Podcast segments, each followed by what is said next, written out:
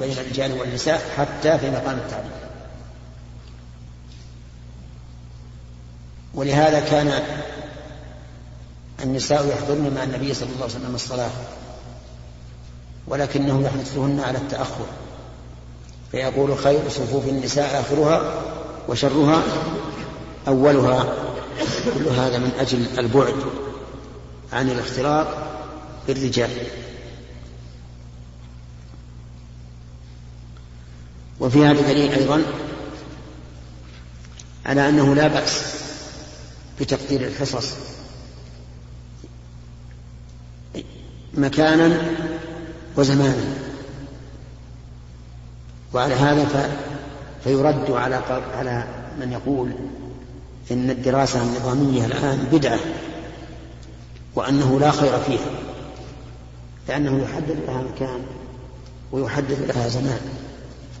فيقال وما مانع من أن يحدد لها زمان ومكان فهذا الرسول عليه الصلاة والسلام أمر النساء أن يجتمعن في يوم كذا في مكان كذا. فحدد الزمان وحدد المكان. ثم إنه يجب علينا أن نعرف الفرق بين الوسائل والغايات. فهذه المدارس النظامية تنظم على هذا الوجه من أجل حفظ الوقت. وحفظ العلم. كما فعل العلماء رحمهم الله في تبويب السنة. فجعلوا التوحيد على حدة والطهارة على حدة والصلاة على حدة والزكاة على حدة مع أن هذا ليس معروفا في عهد الرسول عليه الصلاة والسلام. لكن من باب المصلحة وحصر العلوم وتقريبها للناس. فليس كل شيء لم يصنع في الزمن الأول يكون بدعة. إلا ما قصد التعبد لله به فهذا شيء آخر. أما ما كان وسيلة إلى مقصود شرعي فإنه لا بأس به ولا يعد هذا من البدع. نعم. وفي هذا دليل على أنه إذا مات للمرأة ولدان فإن الولدين يكونان حجابا لها من النار لكن هل يلحق بذلك الأب؟ أو خاص أو هذا خاص بالأم؟ يحتمل أن يكون عاما وأن النبي صلى الله عليه وسلم إنما خص النساء لأنه يتحدث إليهن لأن مصيبة الرجل بأولاده كمصيبة المرأة. بأولادها وإن كانت المصيبة المرأة قد تكون أشد نعم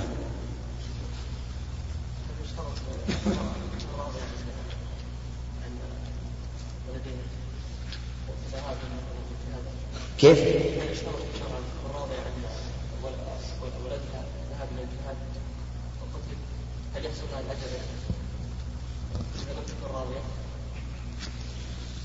لا ما في الحديث لأن هذا الحديث مقيد في رواية أخرى أنهم لم يبلغوا الحلم أو أو الحنث يعني الأولاد الصغار.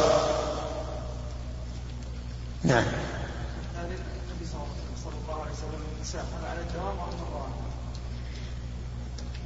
ظاهر هذا الحديث أنه مرة واحدة لكن ما ندري عن أنه استمر.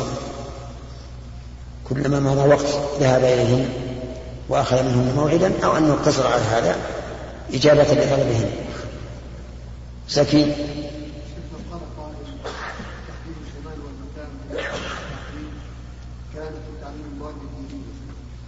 فأما الآن في كثير من البلدان الأصل المواد أو كيف ترد عليه؟ كيف؟ ما ما فهمت. ما فهمت. قد لا تكون موجودة في المرء ما هو فيه.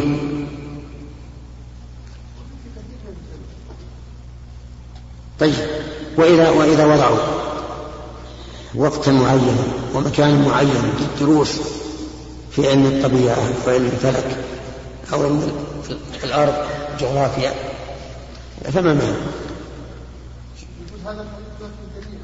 لا فيه. إذا كان جائزا في الشرع في علم الشرعية فهذه من باب أولى. نعم.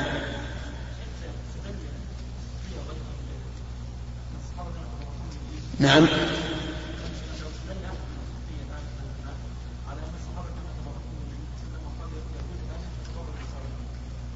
نتبرك؟ ما ما يقول هذا مو صحيح. ليسوا أفهم من الصحابة. الصحابة لم يتبركوا بأبي بكر ولا عمر ولا غيرهم من الصحابة. هذا طيب شوف الله حديث ما ما كن امرأة تقدم بين يديها من ولدها ثلاثة.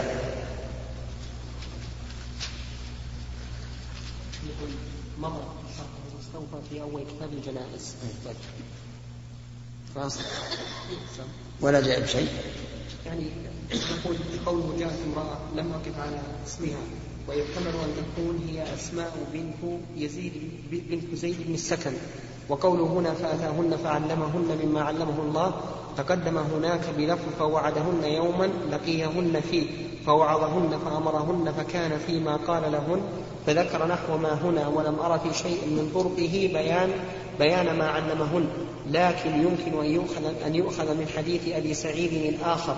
الماضي في كتاب الزكاة وفيه فمر على النساء فقال يا معشر النساء تصدقن فإني رأيتكن أكثر أهل النار الحديث.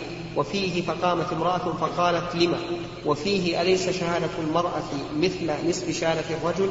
وأليس إذا حاضت لم تصلي ولم تصم؟ وقد مضى شرحه مستوفى هناك وأن المرأة المذكورة هي أسماء. قال الكرماني موضع الترجمة من الحديث قوله كن لها حجابا من النار فإنه أمر توقيفي. لا يعلم إلا من قبل الله تعالى لا دخل للقياس والرأي فيه. باب قول النبي صلى الله عليه وسلم لا تزال طائفة من أمتي ظاهرين على الحق وهم أهل العلم. حدثنا عبيد الله بن موسى عن إسماعيل عن قيس عن المغيرة بن شعبة. يقاتلون عندك يقاتلون نعم نعم نعم عن عن المغيرة بن شعبة عن النبي صلى الله عليه وسلم قال لا تزال طائفة من أمتي ظاهرين حتى يأتيهم أمر الله وهم ظاهرون. وحدثنا إسماعيل قال حدثنا ابن وهب عن يونس عن ابن شهاب قال أخبرني حميد قال سمعت معاوية بن أبي سفيان يخطب قال سمعت النبي صلى الله عليه وسلم يقول من يرد الله به خيرا يفقهه في الدين وإنما أنا قاسم ويعطي, ويعطي الله ولا يزال أمر هذه الأمة مستقيما حتى تقوم الساعة أو حتى يأتي أمر الله. هذا الحديث لا تزال طائفة من أمتي ظاهرين حتى يأتي أمر الله وهم ظاهرون. يراد بذلك يريد به عليه الصلاة والسلام الطائفة التي تمسكت بما كان عليه النبي صلى الله عليه وأصحابه. فهم الذين يكونوا ظاهرين. لا يضرهم من خذلهم ولا من خالفهم. وفي الحديث الثاني من يرد الله به خيرا يفقهه في الدين. فيه بشارة لمن فقهه الله في دينه أنه أن الله قد أراد به خيرا. ويؤخذ من مفهومه أن من لم يفقهه الله في الدين فلن يراد به خير. فالفقه في الدين دليل على أن الله أراد به خيرا والفقه في الدين ليس هو علم الأحكام الشرعية العملية كالطهارة والصلاة بل هو عام. حتى في العقائد يعتبر العلم بها فقها ولهذا سمى العلماء رحمهم الله سموا علم التوحيد الفقه الأكبر. وفي هذا إثبات الإرادة لله عز وجل لقول من يرد الله به خيرا. نعم. وقوله إنما أنا قاسم ويعطي الله. القسمة هنا قسمة العلم والبيان. فهو يعلم الناس ويقسم بينهم ما علمه الله والذي يعطي هو الله عز وجل. فكم من إنسان أخذ قسطا نصيبا قسطا وافرا من السنة لكن بدون فقه لأن الله تعالى لم يفقه. وعلى هذا قال النبي عليه الصلاة والسلام رب مبلغ أوعى من سامع نعم.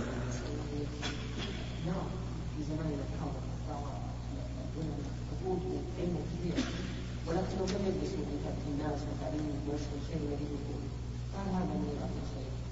هذا إيش؟ أقول هل هل هذا في الدين؟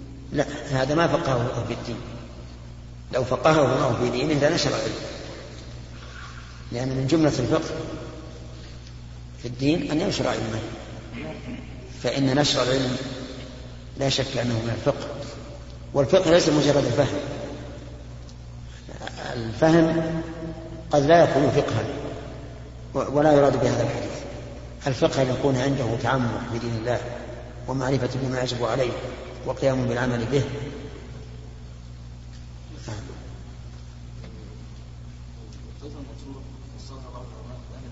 إيش؟ نعم.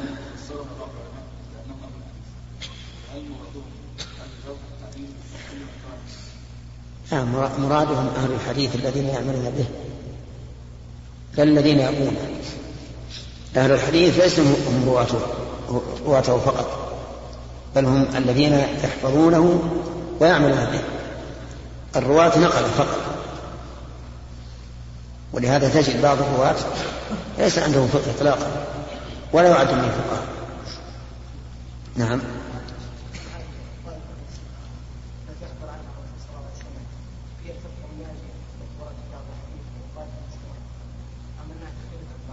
لا هي هي. هي هي, هي. وصف أوصاف لموصوف واحد. ولهذا كانت عبارة شيخ الإسلام في الوسطية أما بعد فهذا اعتقاد الفرقة الناجية المنصورة إلى قيام الساعة أهل السنة والجماعة. قول الله تعالى أو يلبسكم شيعا. حدثنا علي بن عبد الله قال حدثنا سفيان قال قال نعم قال عمرو سمعت جابر بن عبد الله رضي الله عنهما يقول لما نزل على رسول الله صلى الله عليه وسلم قل هو القادر على أن يبعث عليكم عذابا من فوقكم قال أعوذ بوجهك أو من تحت أرجلكم قال أعوذ بوجهك فلما نزلت أو يلبسكم شيعا ويذيق بعضكم بأس بعض قال هاتان أهون أو أيسر. أو يلبسكم شيعا أي يخلطكم شيعا كل شيعة تفارق الأخرى في الرأي والسلوك والعمل. ثم ذكر الآية قل هو القادر على أن يبعث عليكم عذابا من فوق كالحاصل. الذي نزل على قوم لوط. وكالصواعق وما أشبهه. أو من تحت أرجلكم الخسف والزلزال. قال النبي صلى الله عليه وسلم أعوذ بوجهك في الثنتين. لأن هاتين الثنتين لا قبل للإنسان بهما ولا يمكنه التخلص منهما. فلذلك استعاذ النبي صلى الله عليه وسلم بوجه الله منهما. أما الثالثة والرابعة فقال أو يلبسكم شيعا يجعلكم في رقة وهذا أهون وإن كان يعتبر عذابا ونقمة أن تتفرق الأمة فإنه لا شك أنه عذاب. وليس اختلاف الأمة رحمة كما يروى الحديث الموضوع اختلاف أمتي رحمة. لأنه لا صحة له. الاختلاف شر ولا يزال المختلفين إلا من رحم ربك. فالرحمة بالاتفاق لا بالاختلاف.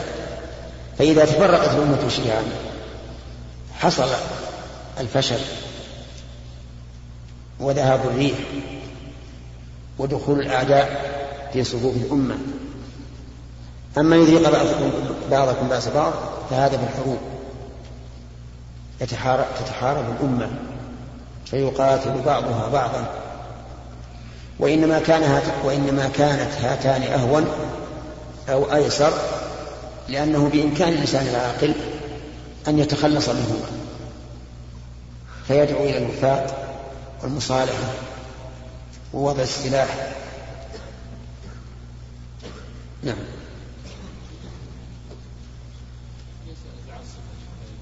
إيش؟ اي نعم لا ما يصح شيء مثل أعوذ بك. أي الوجه يعبر به عن الذات كما في قوله تعالى ويبقى وجه ربك ذو الجلال والإكرام. ها؟ كذلك أعوذ بعزة الله وقدرته من شر ما أجد وحاذر العياذ بصفة من صفات الله لا بأس به. أو برضاك من سخطك. لا بأس به. لكن لكن لو يقول الإنسان يا عزة الله أعيذيني. فهذا لا يجوز. لأنه كأنه بهذا جعل جعل العزة منفصلة عن الله. هي التي تفعل وتريد. أما إذا استعاذ بعزة الله أو استعاذ برضاه عن سخطه فهذا توسل إلى الله عز وجل بهذه الصفة ليعيده الله بها. فيفرق بين دعاء الصفة وبين أن يجعلها وسيلة. كقوله برحمتك أستغيث ليس معنى أن, أن, أن يقول القائل يا رحمة الله أغيثيني لأن هذا لا يجوز. وقد حكى شيخ الإسلام رحمه الله اتفاق العلماء على كفر من دعا الصفة. وأما برحمتك أستغيث بمعنى أنه توسل إلى الله برحمته ليستغيث ليغيث. نعم.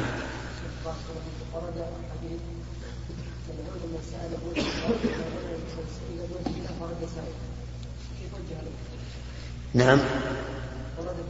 نعم.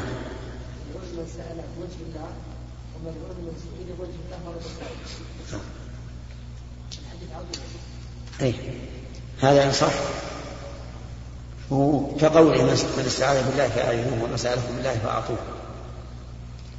لكن ذكر الوجه يجعل المسألة أعظم. أظن انتهى الوقت ها؟ طيب. نعم. هذا ما ما يسأل طيب يلا هات. نعم إيش؟ إيه؟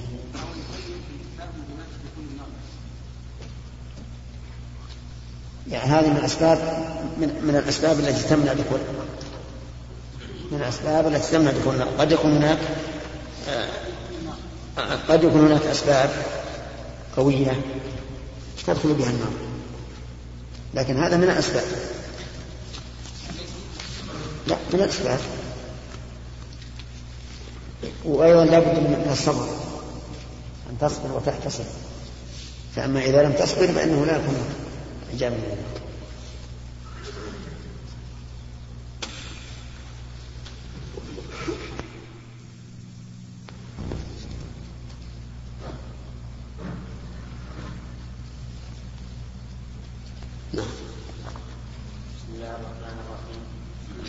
والصلاة والسلام على رسول الله. قال البخاري رحمه الله تعالى باب من شبه أصلا معلوما بأصل مبين قد بين الله تعالى حكمهما ليفهم السائل. حدثنا أصبع بن الفرج قال حدثني ابن وهب عن يونس عن ابن شهاب عن أبي سلمة بن عبد الرحمن عن أبي هريرة رضي الله تعالى عنه أن أعرابيا أتى رسول الله صلى الله عليه وسلم فقال إن امرأتي ولدت غلاما أسود وإني أنكرته فقال له رسول الله صلى الله عليه وسلم هل لك من إبل؟ قال نعم. قال فما ألوانها؟ قال حمر. قال هل قال هل فيها من أورق؟ قال إن فيها لورقا. قال فأنى ترى ذلك جاءها. قال يا رسول الله عرق نزعها. قال ولعل هذا عرق نزعه ولم يرخص له في الانتفاء منه.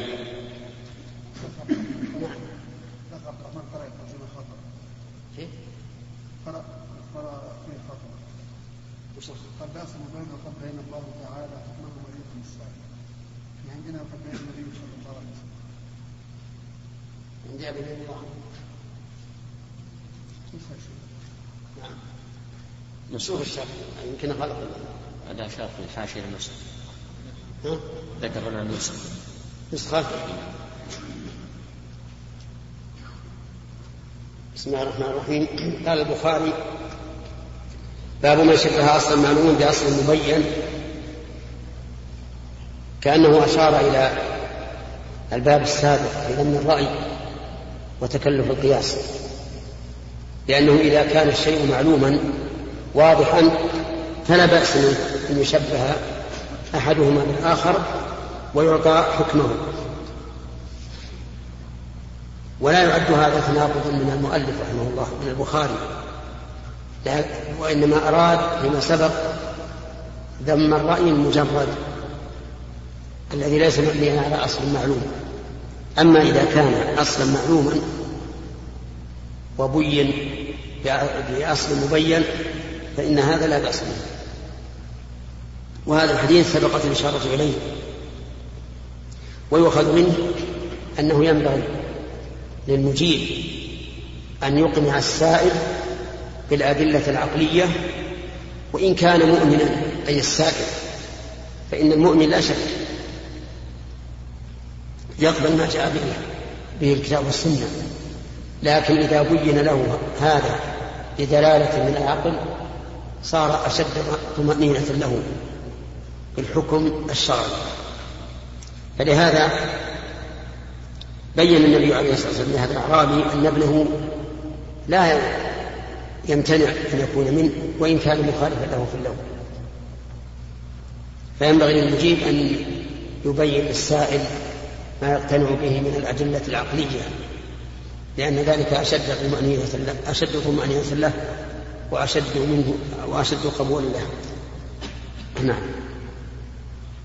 حدثنا مسدد قال حدثنا أبو عوانة عن أبي بشر عن سعيد بن جبير عن ابن عباس رضي الله تعالى عنهما أن امرأة جاءت إلى النبي صلى الله عليه وسلم فقالت فقالت إن أمي نذرت أن تحج فماتت قبل أن تحج. أفأحج عنها؟ قال نعم حج عنها. أرأيت لو كان على أمك دين أكنت قاضيته؟ قالت نعم. قال فقد الذي له فإن الله أحق بالوفاء. فقد الله فقد الله الذي له. وهي صحيحة. هذا كالأول فإن النبي صلى الله عليه وآله وسلم لما أذن لها أن تحج عن أمها بين أن أن هذا كالدين. إذا كان عليها دين لآدم فإنه يقضى عنها فكذلك إذا كان الدين لله عز وجل فإنه يقضى عنه. ولكن متى يلزم؟ هل يلزم بمجرد النذر أو لا بد من إمكان الأداء؟ يحتمل وجهين. أحدهما أنه بمجرد النذر يلزم المنذور سواء تمكن من أدائه أم لا. والثاني لا يلزم إلا إذا تمكن من الأداء. ويظهر أثر الخلاف فيما لو نظر نذر إنسان أن يحج. وكان نذره في رمضان فمات في شوال. فهل يلزم الرضا عنه؟ إن قلنا إنه لا بد من إمكان الأداء فإنه لا يلزم الرفع عنه. لماذا؟ لأنه لا يتمكن من الحج قبل أن يدخل شهر ذي الحجة وتأتي أيام الحج. وإذا قلنا إنه ليس بشرط فإنه يجب أن يحج عنه. وهذا هو ظاهر الحديث أنه إذا نذرت أن تحج فلم تحج. فإن فإن فإنه يحج عنه. لأن الرسول لما قالت ماتت قبل أن تحج ما قال هل أدركت زمن الحج أم لا؟ فظاهر العموم. وقد يقال إن الحديث ليس بظاهر في هذا المعنى. لأن قولها نذرت أن تحج فماتت قبل أن تحج. يشعر بأنها بأنه أمكنها أن تحج فلم تفعل. لأنها فإنها لم تقل فماتت قبل أن يأتي الحج. والمنظر إذا كان الشارح ذكر خلاف في هذا.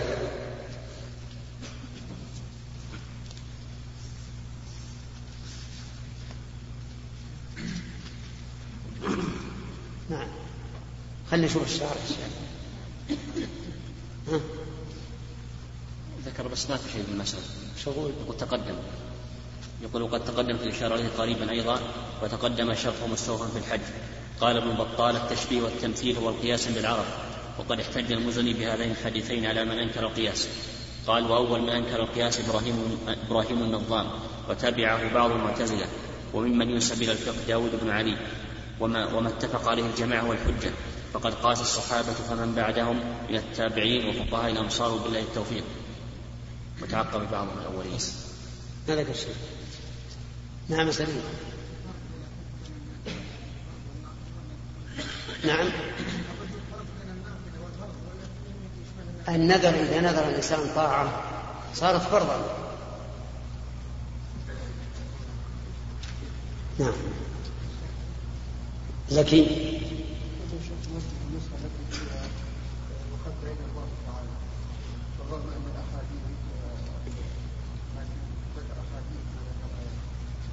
اي نعم كيف؟ قل بين الله يعني إضافة التبيين إلى الله على لسان رسوله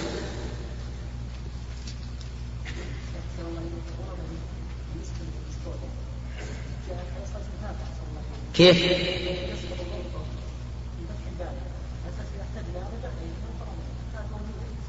إيه وش يعني وش الفائدة منها؟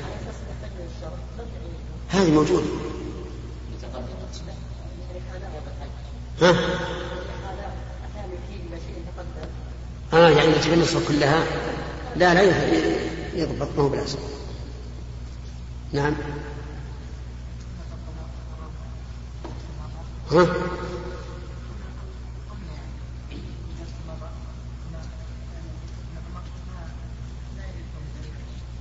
كيف؟ ليس نعم. وش؟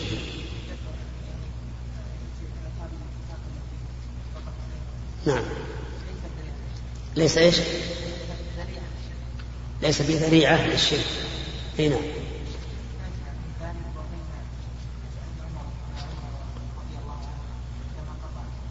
إيه. سبق لنا أن الأخ سامي سامي سامي إيش؟ العقيلي قال إن تتبع ابن عمر لمواقع النبي صلى الله عليه وسلم يخشى أن يكون وسيلة الشرك وقلنا لا هو قصد التعبد لله. فقال إن كيف نجمع بين هذا وبين قطع عمر للشجرة التي بايع الصحابة عليه تحتها رسول الله صلى الله عليه وسلم؟ الجمع بينهما أن عمر رأى أناسا يختلفون إليها أي إلى الشجرة يأتون إليها فخاف أن يتبركوا بها فقطعها وابن عمر ليس يفعل هذا على سبيل التبرك ولا وإنما على شدة اتباعه لرسول الله صلى الله عليه وسلم. نعم. باب ما جاء في اجتهاد القضاة بما أنزل الله تعالى لقوله تعالى ومن لم يحكم بما أنزل الله فأولئك هم الظالمون. ومدح النبي صلى الله عليه وسلم صاحب الحكمة حين يقضي بها ويعلمها. لا يتكلف من قبله ومشاورته ومشاورة الخلفاء وسؤالهم أهل العلم. حدثنا شهاب بن عباد. هذا يشتمل على مسائل. أولا اجتهاد القضاة بما أنزل الله. وهذا واجب عليه. والقضاة هنا يشمل المعنى الأول الحكام بين الناس وفي المعنى الثاني المفتون المفتين للناس. فإن المفتي لا شك أنه حاكم وكل منهم يلزمه الاجتهاد بما أنزل الله. والاجتهاد يستلزم القياس لأن المجتهد سوف يجتهد في فهم النصوص والجمع بينها ويجتهد أيضا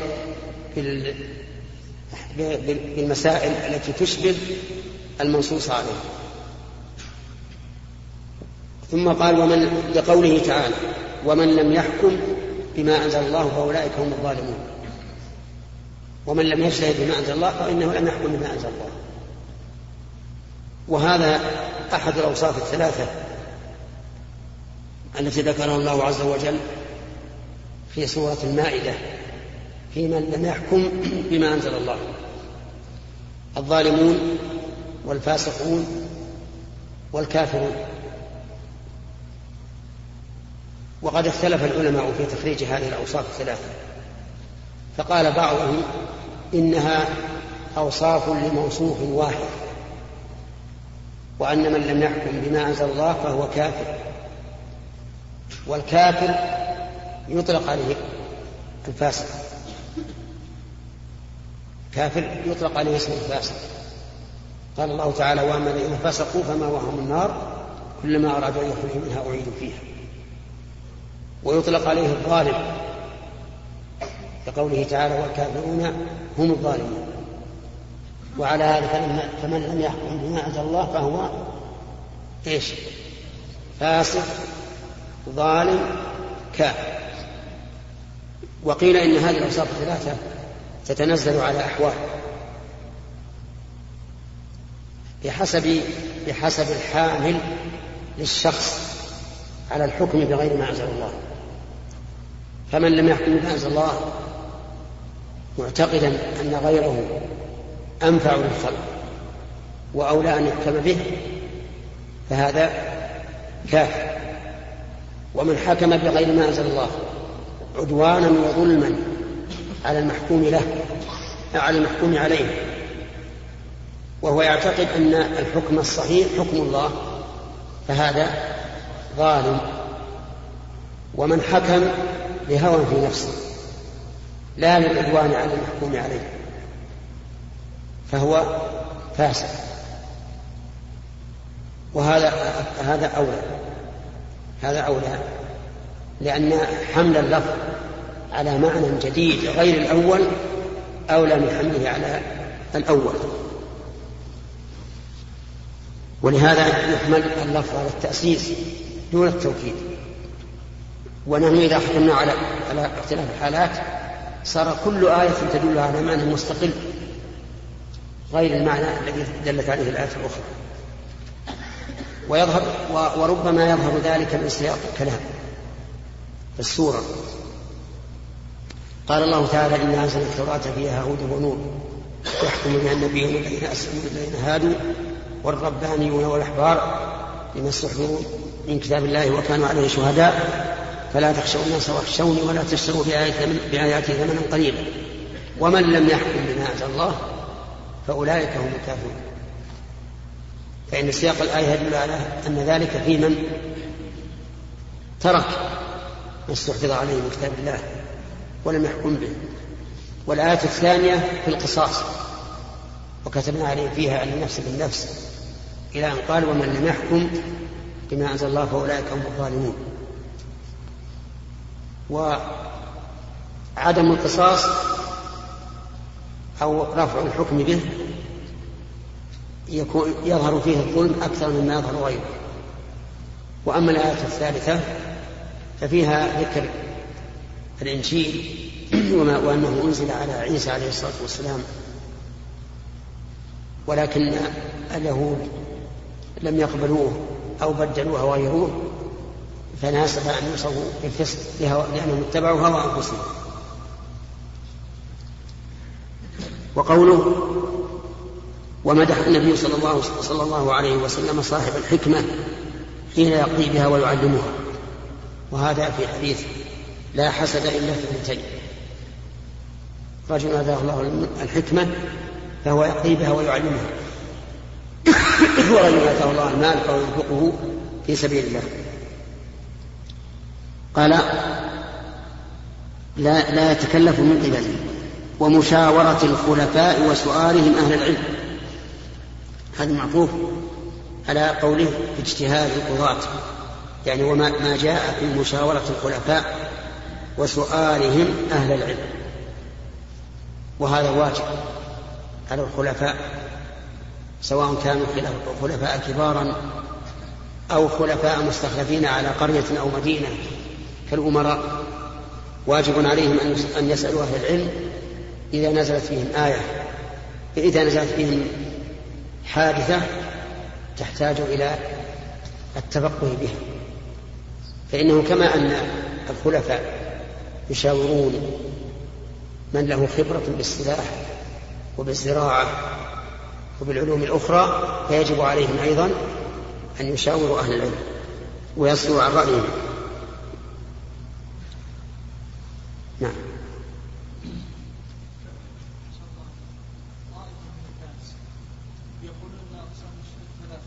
نعم.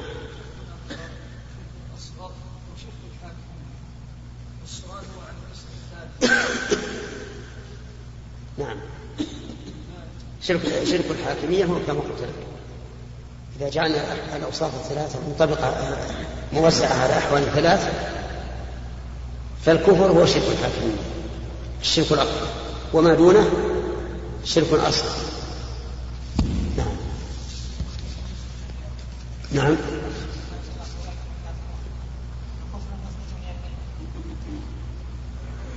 يكون كفرا مخرجا من الله إذا اعتقد أن غير حكم الله أنفع أو أنه مساو له. فهذا مخرج من الله لأنه مكذب لقول الله تعالى ومن أحسن من الله حكما لقوم يوقنون. فإن هذا الاستثناء بمعنى النفي. فإذا زعم أن غير حكم الله أحسن أو مساوي فقد كذب هذه الآية. نعم؟ ارفع صوتك. يحل قتله إذا أمكن. نعم؟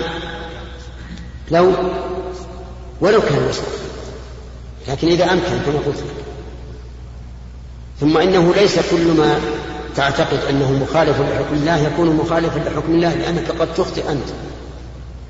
ويكون المصيب هو الحاكم. لكن إذا علمنا أنه مخالف لحكم الله كما لو رفع تحريم الزنا مثلا. أما المسائل الاجتهادية فلا يمكن أن يقول القائل إن هذا مخالف لحكم الله. أخذنا ثلاثة. اثنين طيب.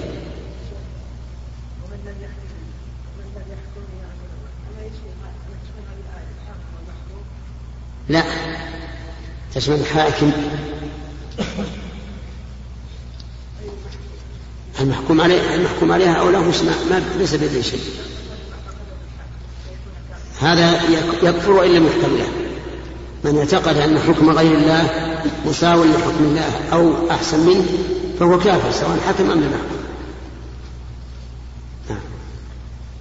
حدثنا شهاب بن عباد قال حدثنا إبراهيم بن حميد عن إسماعيل عن قيس عن عبد الله قال قال رسول الله صلى الله عليه وسلم لا حسد إلا في اثنتين رجل آتاه الله مالا فسلط على هلكته على هلكته في الحق وآخر آتاه الله حكمة فهو يقضي بها ويعلمها. حدثنا محمد قال أخبرنا أبو معاوية قال حدثنا هشام. يقضي بها ويعلمها. يشمل العمل بها. يقضي يقضي بها أن يعمل بها ويحكم بها إذا حكم ويعلمها يعني يعلمها الناس وينشرها سواء حكم أم لم يحكم. نعم. نعم. إيش؟ لا هو لما قال في الحق في الظرفية يعني في دائرة الشرع. هلكت هلكت المال إذا إذا اقتضى أن يكون حق. لأن قوله في الحق في الظرفية يعني لا يعدو به الحق. صورة ذلك مثل ما أجرى لأبي بكر رضي الله عنه. حين حث النبي صلى الله, صلى, صلى الله عليه وسلم على الصدقة فجاء بكل مال. مشروع لمن كان مثل أبي بكر. يعني عنده قوة توكل وعنده عمل. يستطيع به أن ينقذ نفسه وأهله المهم ما دام الحديث مقيد في الحق فإن فيه الظرفية والمعنى أن هذا الإهلاك لا يخرج عن دائرة الحق. طيب. هذا هلك المال في الحق. إذا كان على وجه جائز فهو في الحق.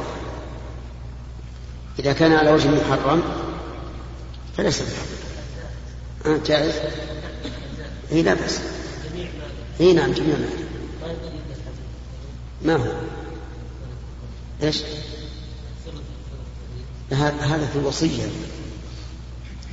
لكن يقيد بما إذا كان ابدأ ابدأ بنفس ابدأ بنفسه ثم بمن تعود. فإذا كان الإنسان عنده قوة التوكل وعنده ما يغنيه عن تكفف الناس بحيث يكون عنده عمل تجاري أو عمل بدني فلا بأس أن يتصدق بجميع المال. المهم أن إذا قيدنا هلكة هلكة يشمل هلكة البعض وهلكة الكل. يشمل هلكة البعض وهلكة الكل. فإذا قيد بكونه في الحق زال الإشكال نعم.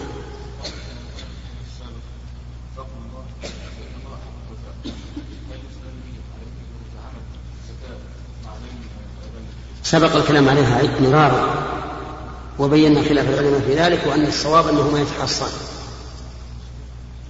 نعم شرف.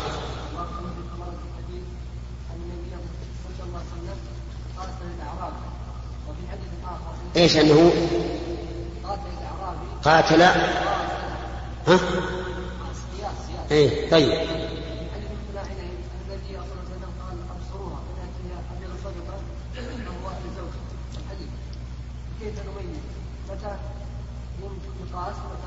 نعم هذا هذا قضية عيب. رجل تهم في امرأة فإذا جاء الولد على وجه على وصف الرجل هذا علم أنه من ماء. أما تلك الرجل أما ذلك الرجل الذي قصد الرجل الإبل فإنه لم يدعي أن أحد من الناس جامع زوجته.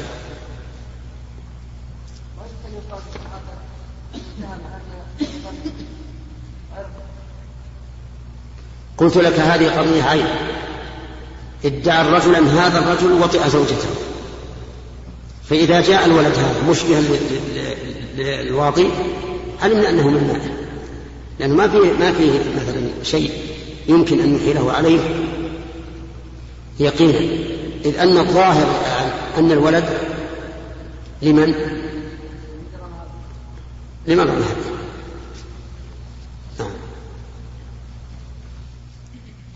حدثنا محمد قال أخبرنا أبو معاوية قال حدثنا هشام عن أبيه عن المغيرة بن شعبة قال سأل عمر بن الخطاب رضي الله تعالى عنه عن إملاص المرأة وهي التي يضرب بطنها فتلقي جنينا فقال أيكم سمع من النبي صلى الله عليه وسلم فيه شيئا؟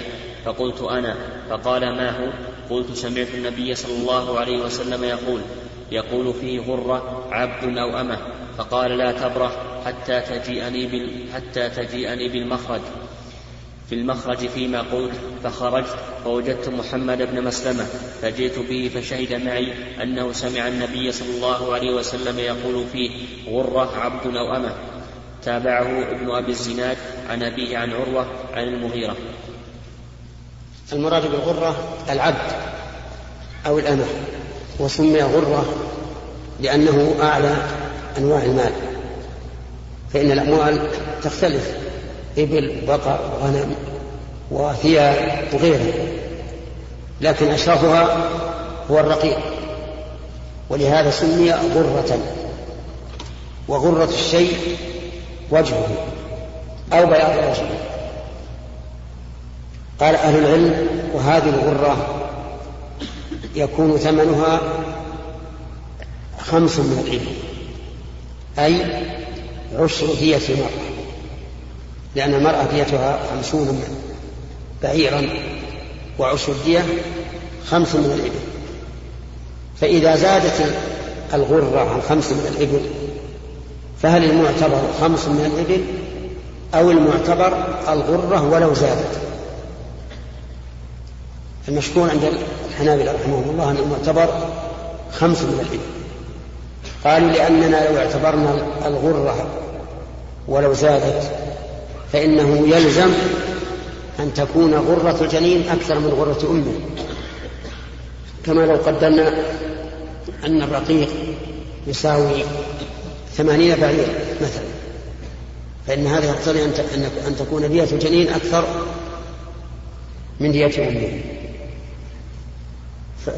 فقيدوها بخمس من الإبل.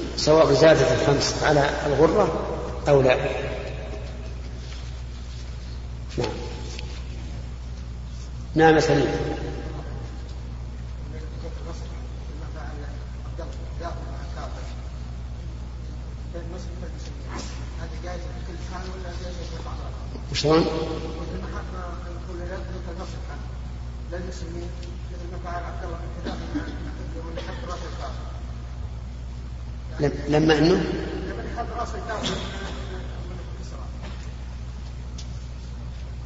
اي وش فيه؟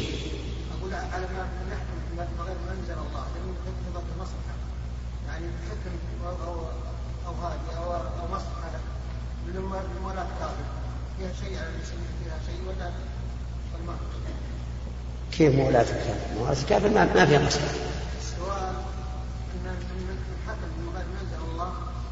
جاء فيه ثلاث أبواب كافر وفاسق وضال نعم.